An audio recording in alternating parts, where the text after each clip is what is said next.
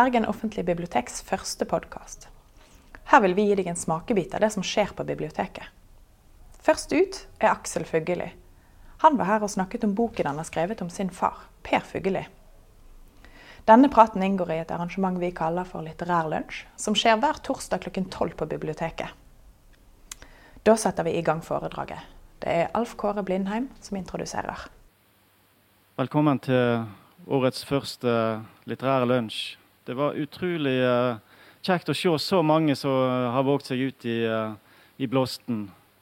Men så har vi jo fått tak i Aksel Fugelli, så det er kanskje ikke så rart. Han uh, vokste opp i, i Lofoten og, og Finnmark. men så, som 18-åring, så reiste han til Brasil og der var han i, i 15 år. Eh, I 1990 så debuterte han med sin eh, første roman, eh, 'Rock rundt klokka'. Etter det så kom han med tre bøker til. Eh, I 2012 så satt han og så på Trygdekontoret i NRK. Og der dukka kanskje ikke uventa Per Fugelli opp. Og Da fikk han det for seg at nå må vi gjøre noe sammen før det blir for seint. Og det ble jo resultatet av den boka. Eh, inni der så skriver han at han utfordra faren til et siste, siste sprell. Hva han ville finne på da. Og det ble altså da eh, en klostertur eh, til Rød til Røst, eh, Lyngvær kloster. Det var det han kunne tenke seg. Akkurat det bekymra ikke meg så mye at det var liksom det, det som han hadde mest eh, lyst til. Jeg synes det var mye verre å høre det at når han kom og så inspiserte litt uh, i bokhyllene hjemme hos uh, faren, så var det få gode, gode romaner. Det syns jeg var mer bekymringsfullt. Han, uh, han, fant bare mer sånn som han hadde fått som foredragsholder. Titlene var, var 'Tømmerfløting i, på Lågen', og så var det 'Matgleder fra indre Østfold'. Men eh, jeg går ut ifra Det står litt mer i boka, så nå er vi veldig spent. Vær så god.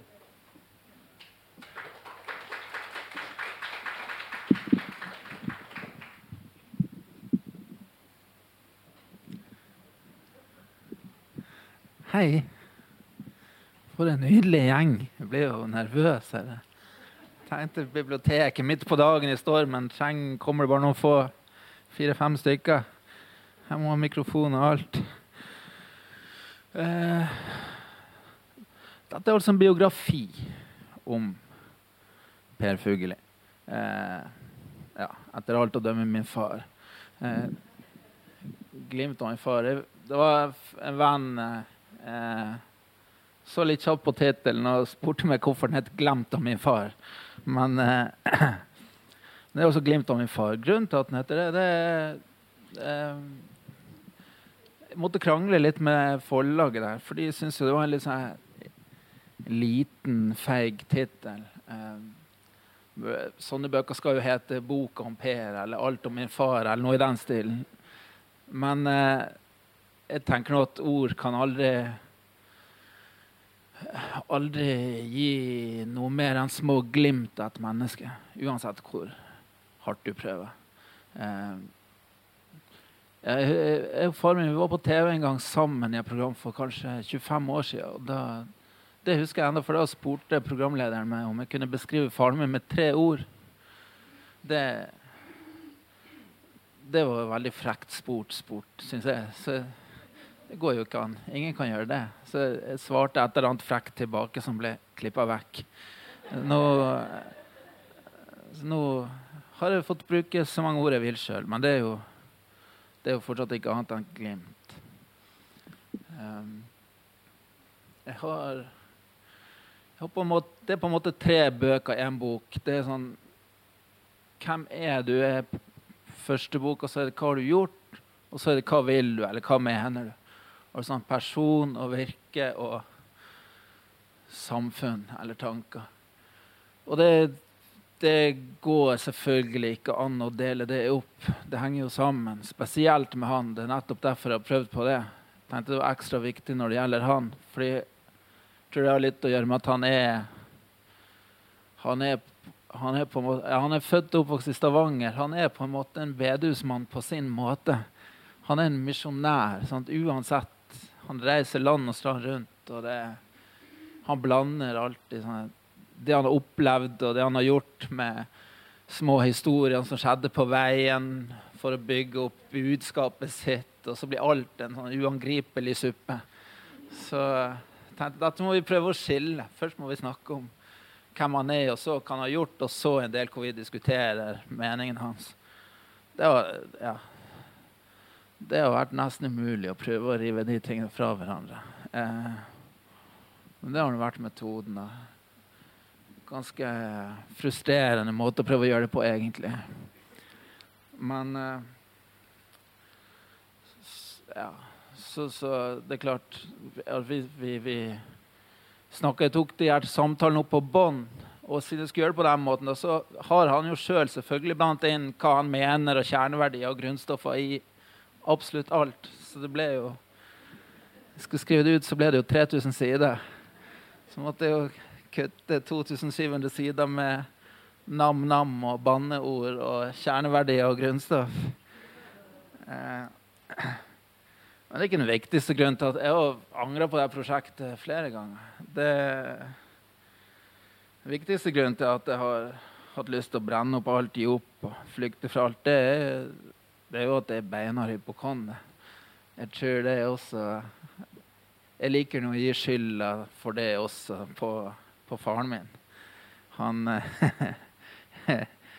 ja, var, Jeg lærte jo alt om miltbrann og aneurisme og multiple sklerose før jeg begynte på barneskolen. Det lekeskap med stet stetoskop og pannespeil og sprøyte. Så men, mens andre gutter begynte å kikke i pornoblad. Jeg lærte jo om kjønnssykdommer med å smugtitte på i bildebøker om kjønnssykdommer.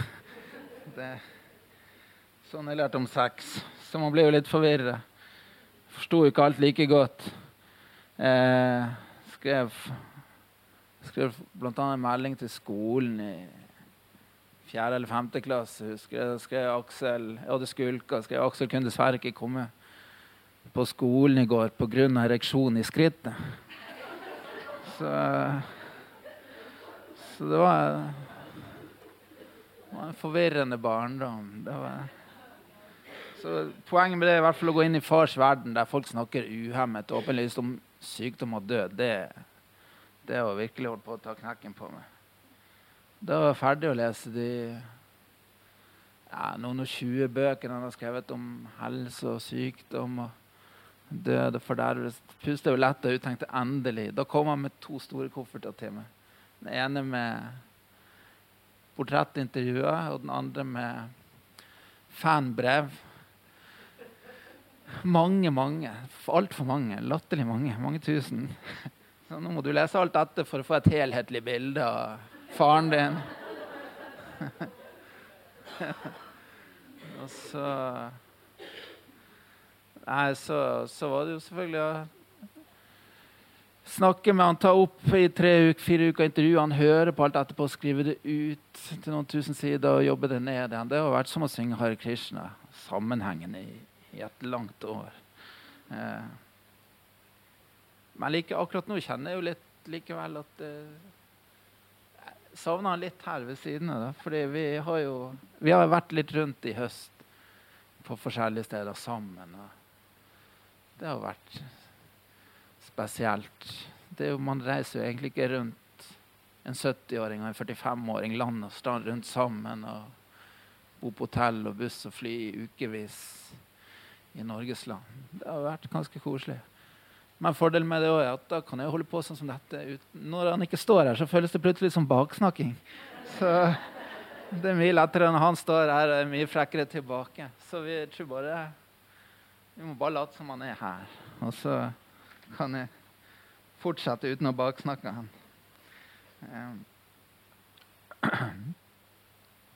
Det, det å være litt er det, litt frekk i trynet og litt nådeløs, som vi har vært sammen, det, det har også på en måte vært metoden i boka. Så dette er en slags fortsettelse fra det.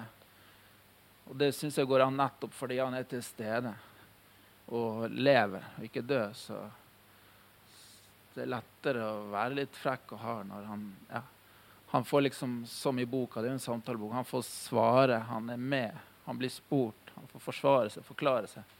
Han får det siste ordet. Da, da blir alt så mye bedre.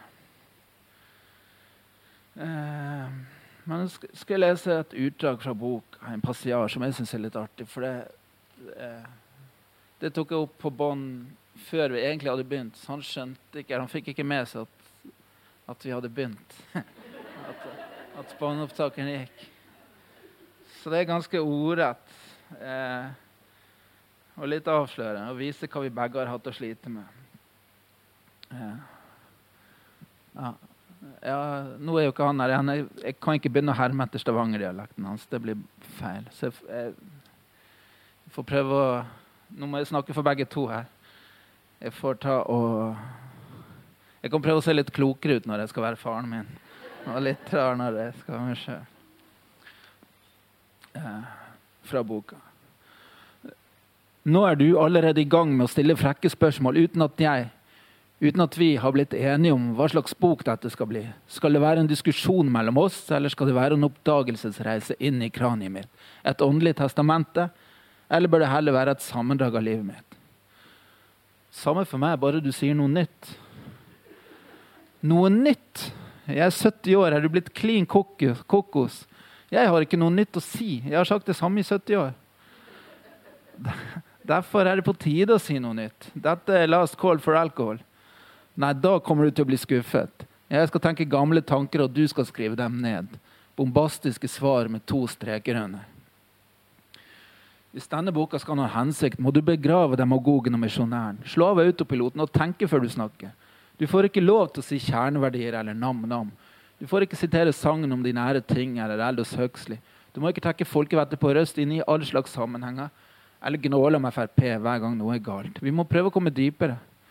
Men det finnes ikke noe dypere. Jeg er veldig sikker på at dette er et blindspor. Du har vært en kommentar til gårsdagens avisoverskrifter. Dette har vi sjansen til å gjøre noe med. Nå er det et sånt vakkert og riktig bilde av Per der ute. Hvorfor i himmels navn skal vi gjøre noe med det? Ja, det, det tenk å si noe sånt. Fordi du snart skal dø, og kommentarene dør sammen med deg. Hvis du ikke vil nullstille deg for å tenke lenger framover, lar jeg denne boka handle om alle feilslutningene dine. Om gap mellom liv og lære. Jeg treffer hundrevis av fremmede som spør om jeg er sønnen din og synes du er så klok. De har glemt hva du sa for 20 og 30 år siden. De vet ikke hva du sier når du ikke er på TV. Jeg kan rive ned livsverket ditt, kle deg naken og jage deg ut i snøstormen. Jeg skjønner ikke denne krigsretorikken. Dette skal jo være en love story. Sett at jeg dør det nærmeste året. Folk vil like jævla dårlig å lese noe som kan virke krigersk mot en mann som holder på å dø, eller kanskje til og med er død. Der har du et problem. Nei. Nei. Hva har du tenkt å gjøre med at vi er far og sønn? Ingenting. Det er et viktig poeng. Ja, men det går ikke an å gjøre noe med det. Eh, hvor, hvor, vil du at vi skal gjøre intervjuene? Skal vi ikke bare ta en uke på Røst og en uke på Jæren? Jæren og Røst er brukt opp. Det er blitt en Per Fugelli-klisjé. Du tar jo med deg all slags filmfolk dit i tide og utide. Jæren og Røst kan aldri brukes opp. Vi burde dra til Bucuresti. Bucuresti? Vi reiser ned med enveisbilletter uten klær og penger. Så får vi tigge eller stjele og skite bak buskene. Kanskje vi treffer noen som hjelper oss. Kanskje vi får bo igjen. Sigøynerleir. Det kan hjelpe oss til å få fart på tankene. Hør, fire metastaser er skåret ut av lungene mine. Det kan være kuldegrader i Romania om høsten. Jeg vil ikke være skitten, sulten og syk i Bucuresti. Da vil jeg heller til et sted det er varmt. Deilig og varmt. Teheran, der vil du føle deg hjemme. Der er det ingen rom for tvil. Det endte med at vi ja, vi klarte å bli enige om å dra til Barcelona det var jo ja, Reisen starta egentlig ganske dårlig. Eh, Syns i hvert fall jeg. Vi tok jo flyet tidlig om eh, tidlig om morgenen og bestilte noe å drikke fra flyverten. Så tok eh, far opp lommeboka og spurte hvor mye det kosta. Så svarte flyverten for nei, Per Fugli, ingen verdens ting. Jeg har sånn sansen for alt det du står for. Og det, det er jo litt irriterende i seg sjøl, men når flyverten har gått sin vei, så snur jo far seg mot meg og sier sånn, Aksel, sånn er mitt liv. Det, det skjedde, samme skjedde på Han ble tatt i sniking på Vi var akkurat i Oslo. ble Han tatt i sniking, han skulle gå Han trodde Han gjorde det sikkert ikke med vilje, men han hadde i hvert fall ikke gyldig kort på T-banen. Tenkte endelig, dette blir gøy. Og så sånn en hel rad av vakter. Så så en dame seg litt sånn fort rundt og bare 'Jeg vet hvem du er. Bare gå, du. Bare gå.' Så irriterende, vet du. Hadde, hadde, da skulle jeg ønske vi var i Bergen. Det hadde vært mer sånn Per Fugl i sniker!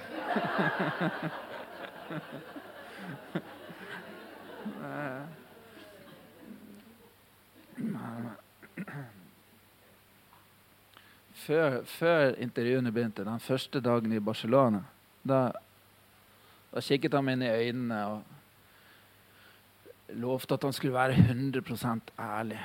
Det er jo alltid litt mistenkelig når folk gjør akkurat det. Så jeg oppdaga etter hvert at det var en finte for at jeg skulle senke garden min.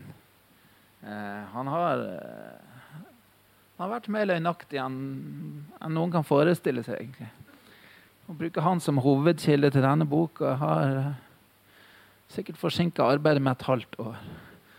Det, det er sant. Det eh, men det er spesielt det er barndommen, ungdomstid og studietiden han lyver om. Jeg skal komme litt tilbake til hvorfor. Jeg må først eh, lese litt fra, fra tida i Stavanger, fra oppveksten. Fra boka. Terje innrømmer at han ofte trua det med juling, men han mener det var for å være en god storebror. Han ville ha det med på å stjele epler eller knuse ruter. Han ville at du skulle pusse bikkja på nabokona, i stedet for å banke på og spørre om hun ville ha blomster. Den setningen han husker best fra barndommen, er du som sier 'Jeg har plukket blomster til deg i dag òg, mor'. Jeg tror kanskje han følte det sånn, men det han gjør, er å tegne et bilde av en slesk liten smiskegutt som bevisst prøvde å er ute etter å kjøpe mora til alle oss fire ved å tilby tjenester og blomster. Jeg kjenner meg ikke igjen i det hele tatt. Men det er riktig at jeg var hjelpsom. Om jeg så at mor var på kjøkkenet med oppvasken, gikk jeg ut for å tørke. Jeg var glad i å gjøre andre glade, gjerne med blomster. Det er ikke noe galt i det. Det er jo morsomt at du plukka blomster mens de andre guttene lekte. Nei, det er ikke morsomt. Det er feil. Jeg lekte og herret og stjal bananer som alle de andre. At jeg en sjelden gang kom hjem med blomster til mor eller til nabokona, det er sant. Men det var ikke dette som var barndommen min. Bestemor Olga forteller at hennes mor Camilla var bekymra for deg. Bare han får leve. Det er de snille som går først. Det ble...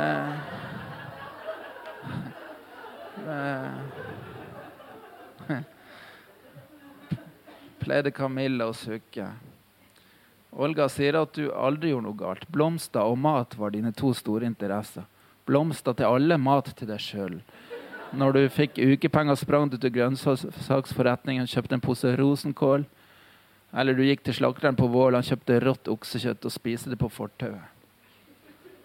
Altså, jeg, herregud, jeg var jo med i barneverden, jeg òg. Jeg hadde kamerater, jeg òg. Jeg var ikke en underlig skikkelse for meg selv som kun dyrket kontakt med nabokoner og spiste rosenkål og biffdeig. Jeg skjønte ikke en dritt av den gutten i ungdomstida heller, sier broren din. Han påstår at du satt i en syklubb og spilte bridge med gamle enker. Dette er et helt feil bilde. Det var øl, det var jo skummelt nok. Og hvis du tar det første dansetrinn, hva ender du opp med? Det som bedehusene alltid har advart mot. Jeg hoppet i høyet på Orre, jeg også. Med jenter. Eh, nei, ikke med jenter. Men vi lekte i høy. Jeg hoppet ned. Det var ganske høyt. Og så begynte han det tar litt lang tid å lese, men så begynte han med noen lang historier om, om en ungdomsperiode hvor han holdt på å gå dukken i, i Stavanger. Spesielt på et sted som het Bohemian Jazz Club, som var syndens avantgardist. Hvor han eh, ja, skulka skolen og var fyll og damer. Han holdt på å gå til grunne, påsto han. Det syns jeg var litt rart, for jeg har jo kjent han og familien i mange år. Jeg har aldri hørt om den tiden eller denne klubben eller noe som helst. I løpet av 40 år så dukka det plutselig opp nå at det holdt på å gå så ille med han. Og han klarte å ta seg inn igjen. Så jeg måtte undersøke litt. og denne Bohemian Jazz Club den, den fantes, men de hadde møtelokale i Bøndenes hus. Det var en formiddagskafé som var åpen to timer hver søndag formiddag. så så de, de, disse erindringsforskyvningene, som han liker å kalle det Han blir gretten hvis man kaller han en løgner. Men eh, han kan gå med på at det har vært noen erindringsforskyvninger. De, de, det kommer nok at han var han var forferdelig snill. Det har han alltid vært. tenker jeg at Det er egentlig det største kjennetegnet med Men snilleste gutten i gaten, mors englegutt og sånt. Men så er det jo ja, brødrene hans mener i hvert fall at han har et slags Morgan Kane-syndrom pga. det. Det er derfor han er, han er den litt sånn lømmelaktige, rampete, halvkriminelle professoren som banner så ofte han kan når han er på TV. Det er litt for å ta igjen for denne barndommen hvor det bare var blomsterplukking. Så er det jo litt sånn Dette er jo lenge siden. Det er vanskelig å bevise. Når han forteller den historien, brødrene våre, noe helt annet. Han står på sitt. Så jeg blir jo litt i tvil av og til hvem han egentlig var på denne tiden. Men da vi var i Stavanger, så kom det faktisk bort en fyr. For meg overgjorde i hvert fall det saken. Jeg syns det var en fin historie. Jeg skulle bare ønske den kunne vært med i boka, for det var, det var for seint til det. Men han hadde gått på skole med far. og så sa han den minnet han hadde husket best fra faren min, det var en gang det var slåsskamp i skolegården. Det var ikke faren min som slåss. Det var bestekameraten hans. En ja. Sånn skikkelig gammeldags slåsskamp med knyttneve og masse folk rundt som heier. og sånn. Så i utkanten av den ringen der sto faren min og ropte så høyt han kunne. Bekjemp ham med ånd! Bekjemp ham med ånd!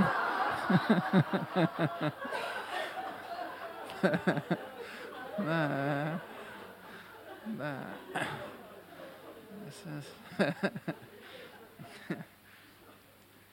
Så var det jo samme studietiden. Det kapitlet var jo egentlig ferdig og ble ganske gøy. Kapitlet om de ville studieårene på Blindern i Oslo. Eventyroppdagelsestrang og eh, Men etter det så fant jeg jo de brevene han hadde skrevet hjem til mora si i Stavanger fra den tiden. Tre brev hver eneste uke. Nesten sånn desperate skrik om hjelp. Jeg skal, skal lese ett av de her. Kjære mor. Opp klokken syv, i seng klokken 21.30. En herlig døgnrytme. Jeg fører detaljert regnskap hver kveld, har satt opp et meget stramt budsjett som jeg følger nå, som vil gi et overskudd på kroner 500. Det er meget sykdom her på hjemmet, influensa og høstforkjølelse, så jeg kler meg som en isbjørn og puster kun gjennom nesen når jeg sitter på lesesalen. To ganger har den gamle sambagjengen blitt invitert i selskap til prikk, prikk, prikk noen aldeles skrekkelige selskaper med fylle og andre orgier som overstiger normale menneskers forestillingsevne. Eh, man drakk og spydde, horet, knuste og ødela etter beste evne. Jeg fikk vondt i maven. Ik ikke fordi jeg drakk noe, jeg drikker nemlig ikke alkohol lenger, for da får jeg vondt i maven. Men jeg fikk altså likevel vondt i maven. Forlot bandittredet alene klokken 24 og måtte drosje hjem fordi trikkene var stoppet å gå. De senere invitasjoner har jeg sagt brutalt nei til. Jeg hilser ikke på dem når jeg treffer dem heller. Ikke tale om. I stedet spiller vi noen ganger bridge og går i teateret. Søndag ettermiddag klipper jeg fra ukens aviser. Interessante artikler og kronikker havner i mitt alt nå nokså rikholdig klipparkiv. Det er forferdelig morsomt og kan kanskje bli nyttig å ha når jeg får bedre tid til å dyrke mine politiske og sosiale interesser.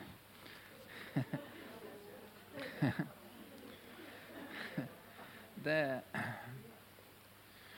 det, det er kanskje likt best dette år. Det er noe å gjøre noe man egentlig ganske sjelden gjør, det er å prøve å tenke tilbake og huske på ting som har gått i glemmeboka. Det, da er det jo rart hva som kan dukke opp.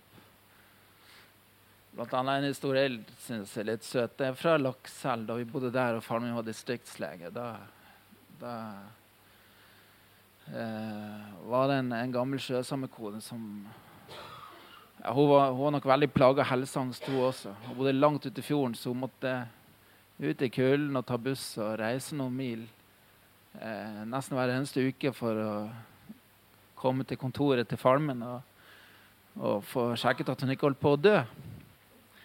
Så, og vi var der noen ganger også.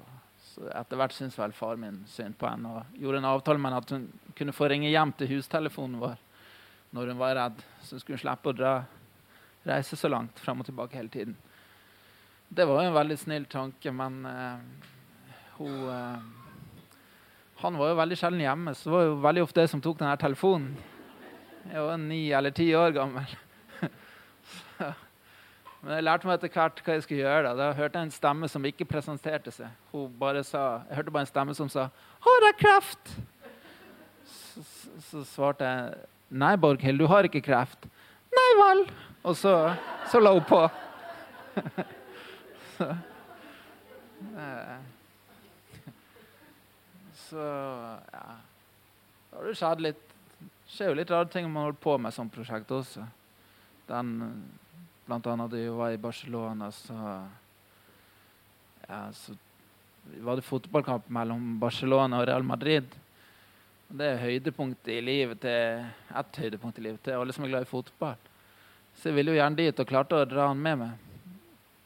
Tenkte det kunne bli gøy. og det, det var det jo. Men far har aldri brydd seg om fotball. Men sånn, etter en halvtime så, så spurte han litt, egentlig litt engstelig. Sånn. Aksel, hva er det som skjer? Den gamle mannen ved siden av meg vil absolutt holde rundt meg og klemme meg. Så, så, så nei, Barcelona skårte jo akkurat. Å ja, det fikk jeg ikke med meg. Men Så tenkte han seg om, så sa han eh, Men jeg håper de skårer en gang til, for jeg har aldri blitt klemt så hjertelig av fremmede menn før.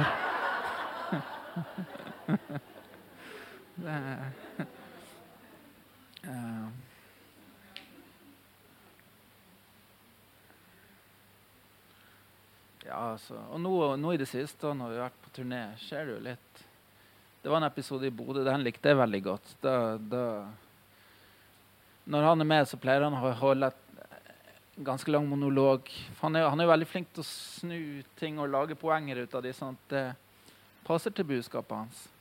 Så denne boka har på en måte også blitt en bekreftelse av budskapet. For det, med alle de her flekkene og feilene og sånn, så viser det at, at, at mennesket er medfødt feilvare. At det han liker å snakke om, at vi må tåle oss sjøl med feil og mangler og slutte å prøve å være glansbilder. Og, og ja, akseptere at vi alle er medfødt feilvare.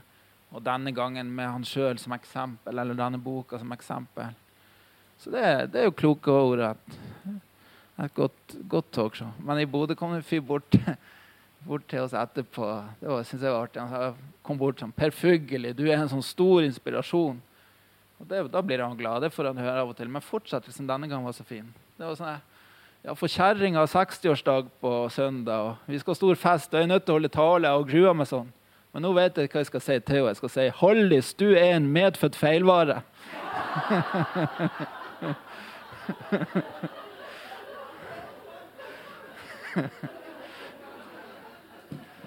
Det er nydelig.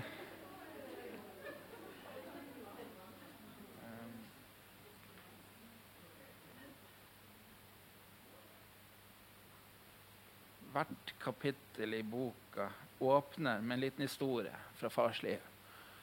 Et, et, et minne. Og så begynner samtalen etterpå. Dette er historien som åpner kapitlet som handler om Per og Charlotte, min mor. Vi sitter på beachgrill i Sharm el Sheikh i skyggen under et stråtak og ser utover Rødehavet. Far forklarer de tre barnebarna forskjellen på beach og bitch, så de ikke, så de ikke skal tro at egypterne griller kjerringer. Han dytter ned dagens tredje softis. Jeg har slutta å ymte frampå med at alle disse softisene og søte drinkene ikke nødvendigvis er sykdomsdempende. Da blir han bare forbanna. Hans problem dreier seg mer om hvordan han skal rekke å få i seg sin tildelte dose av softis i tide. Mora mi Charlotte er ute i bølgene og snorkler. Far peker mot piren. Der kommer havets dronning. Er hun ikke vakker? Vi skjønner hvem han sikter til, men kan ikke se henne. En fremmed mann er på vei innover piren. T-trøya som strekker seg rundt den bulende ølvommen, er turkis som Charlottes badedrakt. Aldeles bedårende, sier jeg. Far begynner å bli usikker. Mannen kommer nærmere og roper noe til russerne på nabobordet. Vi ler. Far ler ikke. Og, og så, og så fra samtalen seinere i samme kapittel. Husker du russeren på piren Sharm el-Sheikh? Ja. Er det noen gang Charlotte er på det vakreste, så er det i havet og når hun kommer opp på havet. Da jeg så den turkise flekken, så jeg det bildet. Min generasjon er en gjeng med tvilere. Vi er flinke til å se feil og skal vanke hos dem vi burde elske. Med jevne mellomrom spør vi oss sjøl om vi er fornøyd, og det ender galt for de fleste av oss. Det virker som om du har bestemt det en gang for mange år siden for at Charlotte er kjæresten din hun er fantastisk på alle måter. Hun er den vakreste av dem alle. Og Kjærlighet er jo først og fremst en innbilning. Det bygger seg på et bilde bit for bit, og dette bildet blir du forelsket i. Skal vi granske det med fornuft? Hjelp, da vil jeg forlate denne kloden. Hørte jeg riktig? Sier du at kjærlighet er innbilning? Altså, Jeg er veldig sikker på at jeg er glad i Charlotte og hun i meg. Det er ikke noen innbilning. Men jeg tror det er en del av kjærlighetens vilje at det skjer underslag. Vi løper fra regnskap og forstand inn i idealet. Og ja, det har vi godt av. Vi lager ikke analyse med pro og kontra. Er det noen grunn til denne kjærligheten?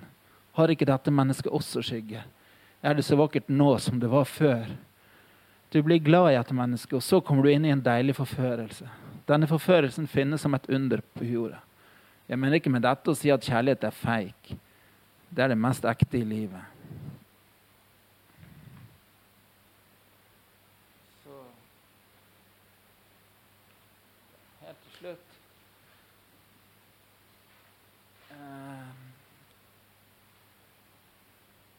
Tenkte å lese det lille, det lille glimtet, den lille historien som, som åpner det siste, aller siste kapittelet i boka.